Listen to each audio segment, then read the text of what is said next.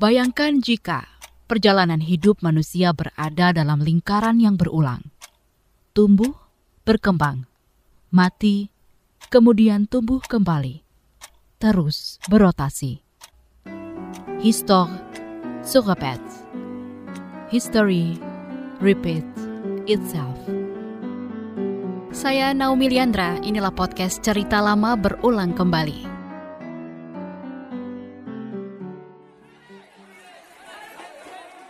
Masa pengunjuk rasa anti kudeta di Yangon, Myanmar menolak dibubarkan pada hari Senin waktu setempat.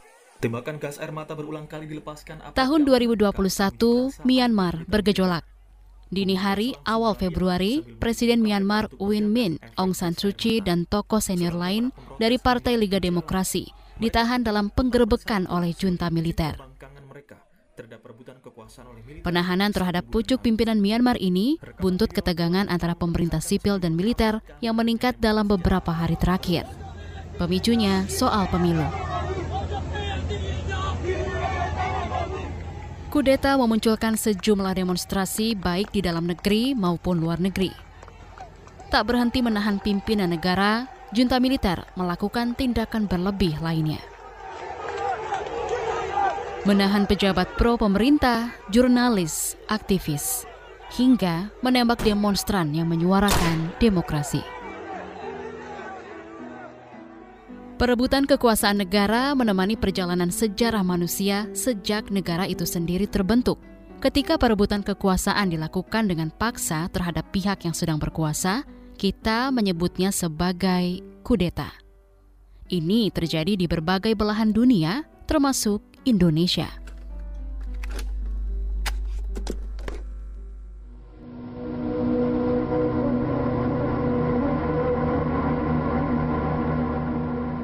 Peristiwa tahun 1965 dan beberapa tahun setelahnya menoreh sejarah kelam Indonesia. 30S menyajikan konstelasi kudeta yang kompleks. Sejarawan Benedict Anderson dalam A Preliminary Analysis of the October 1st 1965, coup in Indonesia menyebut ini adalah sebuah kudeta di dalam tubuh militer. Perwira menengah melawan perwira tingginya. Versi lain menyebut ini adalah upaya kudeta terhadap Soekarno. Pihak yang diduga menjadi motor utama kudeta juga beragam, mulai dari Partai Komunis Indonesia atau PKI, para perwira menengah Angkatan Darat, dan bahkan Soeharto. Terlepas dari berbagai versi peristiwa 30 September 1965, satu pola yang terlihat jelas adalah aktor pelaksana gerakan pengambil alihan kekuasaan adalah para perwira menengah sekelas kolonel. Tren ini terlihat tidak saja pada kudeta modern di Indonesia, tetapi juga di seluruh dunia. Karya Anderson menggarisbawahi alasan dari tren ini, yakni para perwira menengah dan sebenarnya juga perwira rendah hidup dalam keterbatasan material. Sedangkan mereka secara langsung ditunjukkan pola gaya hidup para perwira tinggi yang flamboyan. Pergesekan dua kondisi itu menimbulkan ketidakpuasan. Hmm, mari kita lihat bagaimana rekam jejak kudeta yang terjadi di bumi Nusantara. Rekam jejak kudeta tertulis salah satunya dalam karya arkeolog tersohor George Coedes berjudul The Indianized States of Southeast Asia atau Negeri-Negeri Hindu-Buddha di Asia Tenggara yang diterbitkan tahun 1968. Di situ, Koedes menceritakan kasus pemberontakan Ken Arok kepada Raja Kertajaya dari Kediri tahun 1221 sampai 1222. Ken Arok, penguasa daerah Tumapel saat itu, mengumpulkan kekuatan militer untuk menggempur sang raja di daerah Genter di timur pusat kerajaan Kertajaya. Kekalahan Kertajaya menandai kesuksesan kudeta Arok dan mengakhiri kekuasaan Kediri. Dia kemudian mendirikan sendiri kerajaan yang diperintahkan oleh dinastinya, Kerajaan Singasari.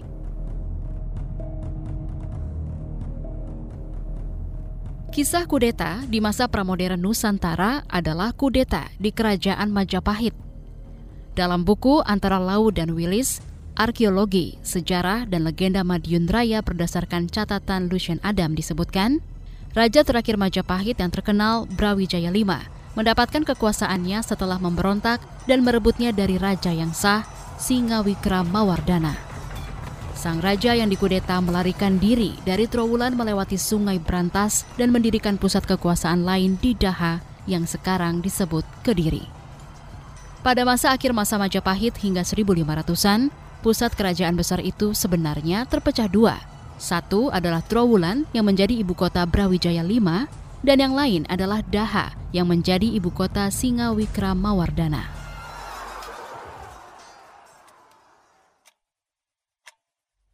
Tak hanya terjadi di Indonesia, perebutan kekuasaan juga mewarnai rekaman sejarah Asia Timur dan Asia pada umumnya, bahkan hingga hari ini. Salah satu kudeta paling awal yang terekam dalam catatan sejarah dapat kita ketahui lewat kitab Siji, karya sejarawan terkenal Tiongkok kuno, Simakian. Menurut kitab tersebut, kudeta paling awal terjadi pada masa kekuasaan dinasti Zhou sekitar 1046 hingga 256 sebelum Masehi. Inilah dinasti yang menghasilkan berbagai kitab acuan penting filsafat dan tata pemerintahan yang digunakan Tiongkok hingga awal abad ke-20. Salah satu karya tersohor dari periode ini adalah Chou Li, kitab ritual Chou yang salah satu isinya cara dan aturan mendirikan kota supaya dapat bertahan dari serangan musuh dan bahaya internal. Munculnya kitab-kitab semacam itu memberi pengetahuan. Situasi politik pada masa Chow sudah mencapai tingkat yang rumit. Dengan kompleksitas politik yang mulai terbentuk itu, tidak heran kudeta pertama di Tiongkok pecah pada masa Chow.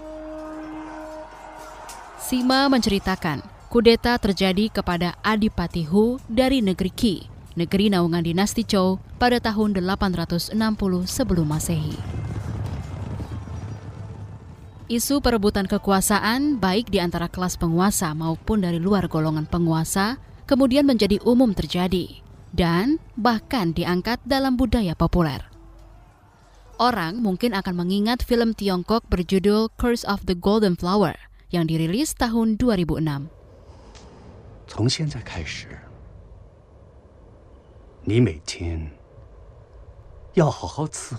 Film yang diperankan oleh aktris seperti Chow Yun Fat, Gong Li, dan Jay Chou itu mengambil kudeta sebagai elemen sentral film. Sekalipun sama sekali tidak memberi konteks zaman dan tidak sama sekali mengklaim sebagai sebuah film sejarah, Curse of the Golden Flower dipengaruhi secara kuat oleh pola politik kerajaan di Tiongkok terutama kekacauan politik masa lima dinasti dan sepuluh kerajaan, kurun 907 hingga 979 sebelum Masehi. Dalam budaya populer yang lain seperti drama Korea The Great Queen Sanda yang dirilis tahun 2009 juga memasukkan kudeta sebagai elemen penting.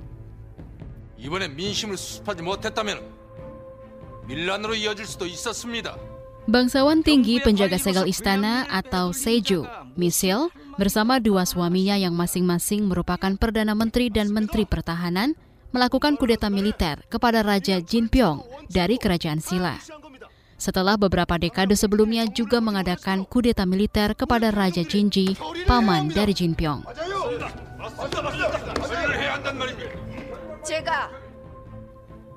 Hmm, contoh-contoh ini memang berat bobot fiksinya daripada sejarah. Namun itu membuktikan kudeta telah terekam dalam memori kolektif masyarakat Asia hingga menemukan jalan ke dalam budaya populer. Setelah menjelajah rekam sejarah kudeta sepanjang tadi ini, bisa dibilang subjek kunci yang perlu ada untuk menyukseskan sebuah kudeta adalah keterlibatan militer. Setiap pelaku kudeta diceritakan memiliki dukungan militer yang kuat atau akses terhadap sumber daya militer. Bila mereka sendiri bukan anggota militer, mereka pasti mengajak perwira militer untuk bergabung di dalam gerakannya. Di sini kita dapat mengingat pelibatan Lord Mountbatten, sosok militer karismatik yang awalnya berasal dari luar perkoncoan para pebisnis perencana kudeta yang menyasar Perdana Menteri Wilson di Inggris tahun 1968. Lalu, apa sebenarnya pemicu berbagai macam kudeta tadi?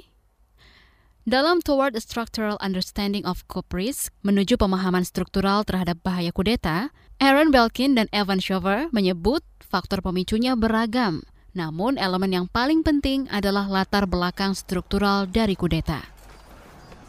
Kudeta dapat dipicu dari krisis ekonomi, ketidakpuasan perwira menengah, krisis politik, konflik antar ideologi, atau bahkan meningkatnya popularitas militer. Namun, faktor pemicu itu tidak akan menghasilkan kudeta nyata bila latar belakang strukturalnya tidak ada. Latar belakang struktural tadi dapat berupa kurangnya legitimasi dari rezim pemerintahan, warisan kolonial yang memecah belah, pemerintahan yang tidak representatif, lemahnya masyarakat sipil, dan besarnya ukuran kekuatan militer. Di Tiongkok misalnya, kudeta dapat terjadi atas dorongan kekeringan, banjir, atau bahkan terbakarnya plakat nama istana kerajaan. Faktor pemicu yang terlihat minor itu dalam alam pikiran tradisional Tiongkok dianggap sebagai tanda lunturnya legitimasi kekuasaan raja. Legitimasi kekuasaan raja di Tiongkok didasarkan kepada mandat langit dan salah satu tanda lunturnya mandat langit itu adalah terjadinya bencana. Tentu saja, pemerintah modern tidak mendasarkan legitimasi pemerintahnya kepada konsep yang rapuh seperti itu. Kini, kekuasaan presiden dilegitimasi oleh kemenangannya dalam pemilu. Dengan demikian, faktor kurangnya legitimasi dapat muncul, misalnya sebab sengketa dari hasil dan proses pemilu itu sendiri. Menutup CLBK episode ini, kita simak perbincangan Fitri Anggreni bersama pakar politik dan hubungan internasional Profesor Hikmahanto Juwana. Pak Hikmahanto, kudeta kan terjadi di sejumlah negara dan yang terbaru terjadi di Myanmar ya Pak ya. Apa yang kita bisa baca dari perjalanan sejarah kudeta yang terjadi khususnya di Asia ini Pak? Ya, sebenarnya kudeta itu tidak hanya terjadi di Asia. Uh, sekarang ini kita tahu di Afrika juga terjadi, tapi di masa-masa lalu juga uh, di Eropa dan eh, negara-negara uh, maju lainnya ya sekarang, tetapi pada masa itu uh, mungkin demokrasi masih belum berkembang, uh, lalu kemudian ada penguasa atau pemerintah yang sangat zolim, sehingga kerap uh, kudeta itu muncul. Jadi kudeta itu sebenarnya berasal dari dalam pemerintahan. Dan kudeta ini dimotivasi oleh mereka-mereka yang merasa bahwa eh, pimpinan yang katakanlah menjadi pemerintah itu tidak menjalankan tugasnya dengan baik, sehingga mereka melakukan perebutan kekuasaan dari dalam untuk kemudian memberikan yang terbaik bagi masyarakat. Meskipun uh, pada gilirannya nanti ketika dibandingkan dengan pemerintahan berikutnya mungkin saja itu tidak baik begitu ya. Jadi ini yang kita harus pahami bahwa uh, kudeta itu uh, dari dalam. Yang kedua ada keinginan atau motif dari pihak yang melakukan kudeta itu bahwa dia akan memperbaiki sistem.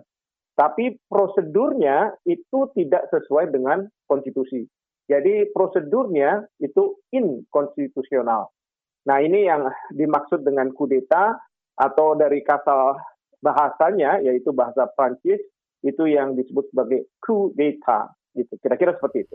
Jadi uh, yang memicu atau yang uh, memulai kudeta itu uh, kebanyakan apa selalu dari golongan yang berkuasa di pemerintahan itu sendiri Pak, tidak pernah dari uh, rakyat biasa seperti itu.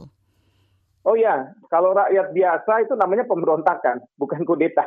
Iya, kalau kudeta itu memang dari dalam dan kudeta itu biasanya mereka yang mempunyai kekuatan dalam konteks senjata. Jadi eh, penggulingan pemerintahan yang berkuasa itu dilakukan dengan eh, kekerasan sebenarnya. Jadi jangan heran kalau di banyak negara terjadi kudeta sebenarnya eh, berasal dari eh, angkatan perang. Karena apa? karena memang dalam masa uh, demokratis katakanlah begitu di mana pemerintahnya adalah sipil mereka tidak menggunakan senjata. Nah ini yang terus kemudian akan diambil alih oleh mereka yang memiliki uh, kekuatan senjata. Begitu. Untuk kudeta yang terjadi di Asia, apakah ada karakteristik tersendiri atau dia sama saja dengan kudeta yang terjadi di negara lain, Pak? Saya rasa sama saja ya. Jadi prinsipnya adalah adanya ketidakpuasan yang uh, memotivasi pihak yang melakukan kudeta. Lalu yang kedua uh, dilakukannya oleh orang di dalam pemerintahan. Yang ketiga menggunakan kekerasan, menggunakan senjata. Maka uh, tidak heran kalau misalnya pihak yang melakukan kudeta itu adalah militer. Dan sekali lagi ini bukan pemberontakan yang dilakukan oleh pihak-pihak yang ada di luar pemerintahan. Tetapi apakah kudeta itu selalu selalu diikuti dengan eh, aksi kekerasan, Pak, seperti yang terjadi di Myanmar itu, Pak? Ya boleh dikatakan seperti itu karena uh, maka saya katakan tadi uh, yang melakukan kudeta itu adalah mereka yang menggunakan kekerasan karena uh, pasti mereka akan menghadapi berbagai tantangan, uh, ketidaksetujuan, lalu kemudian akan ada perlawanan dan perlawanan itu akan lebih efektif kalau misalnya digunakan senjata. Memang ada kudeta-kudeta yang uh, tidak menggunakan senjata, tidak berdarah begitu ya. Tetapi kudeta-kudeta seperti ini biasanya uh, berkaitan dengan permainan politik di dalam pemerintahan sehingga yang berkuasa itu nantinya akan hilang kekuasaan. Tapi apakah pernah terjadi kudeta itu uh, bisa dicegah, Pak? Kalau kudeta sendiri uh, tentu tidak bisa dicegah ya yang ada adalah istilah kudeta yang gagal jadi mereka akan melakukan satu kudeta tapi terlebih dahulu diketahui oleh uh, lawannya lalu digagalkan atau ada keinginan melakukan kudeta tetapi angkatan perangnya mungkin terpecah sehingga ada yang loyal terhadap pemerintahan yang berkuasa dan mereka akan melakukan perlawanan dan kalau perlawanan ini berhasil, berarti yang melakukan kudeta itu dianggap sebagai gagal. Apakah kudeta ini selalu berimbas buruk kepada masyarakat, Pak? Apakah ada kudeta yang kemudian didukung oleh masyarakat dan berjalan dengan baik, Pak? Ya, memang tidak harus dipersepsikan oleh masyarakat bahwa kudeta itu selalu buruk, gitu ya. Kita lihat di Thailand, perdana menteri itu yang dipilih secara demokratis kerap dikudeta oleh militernya tapi kemudian disetujui oleh raja. Jadi dan itu mendapat dukungan juga dari masyarakat sehingga dianggap itu sesuatu yang baik. Tapi tentu kudeta ini uh, sewaktu-waktu dilakukannya. Dan pada masa tertentu kita Indonesia juga pernah mengalami yang tanda kutip disebut sebagai uh, kudeta karena ada peralihan uh, presiden yang dilakukan secara tidak konstitusional gitu ya, maka itu disebut sebagai kudeta. Tetapi untuk jangka waktu tertentu masyarakat justru uh, menerima menyambutnya begitu karena dianggap bahwa uh, pemerintah sebelumnya di, uh, tidak berhasil di dalam memberikan kesejahteraan. Itu tadi obrolan KBR bersama pakar politik dan hubungan internasional Profesor Hikmahanto Juwana. Saya Naomi Liandra pamit, kita ketemu lagi episode lainnya cerita lama berulang kembali. History repeats itself. Kami ingin mendengar ide dan saranmu melalui podcast at kbrprime.id. Dapatkan info terbaru dengan mengikuti Instagram at kbr.id dan Twitter at berita KBR.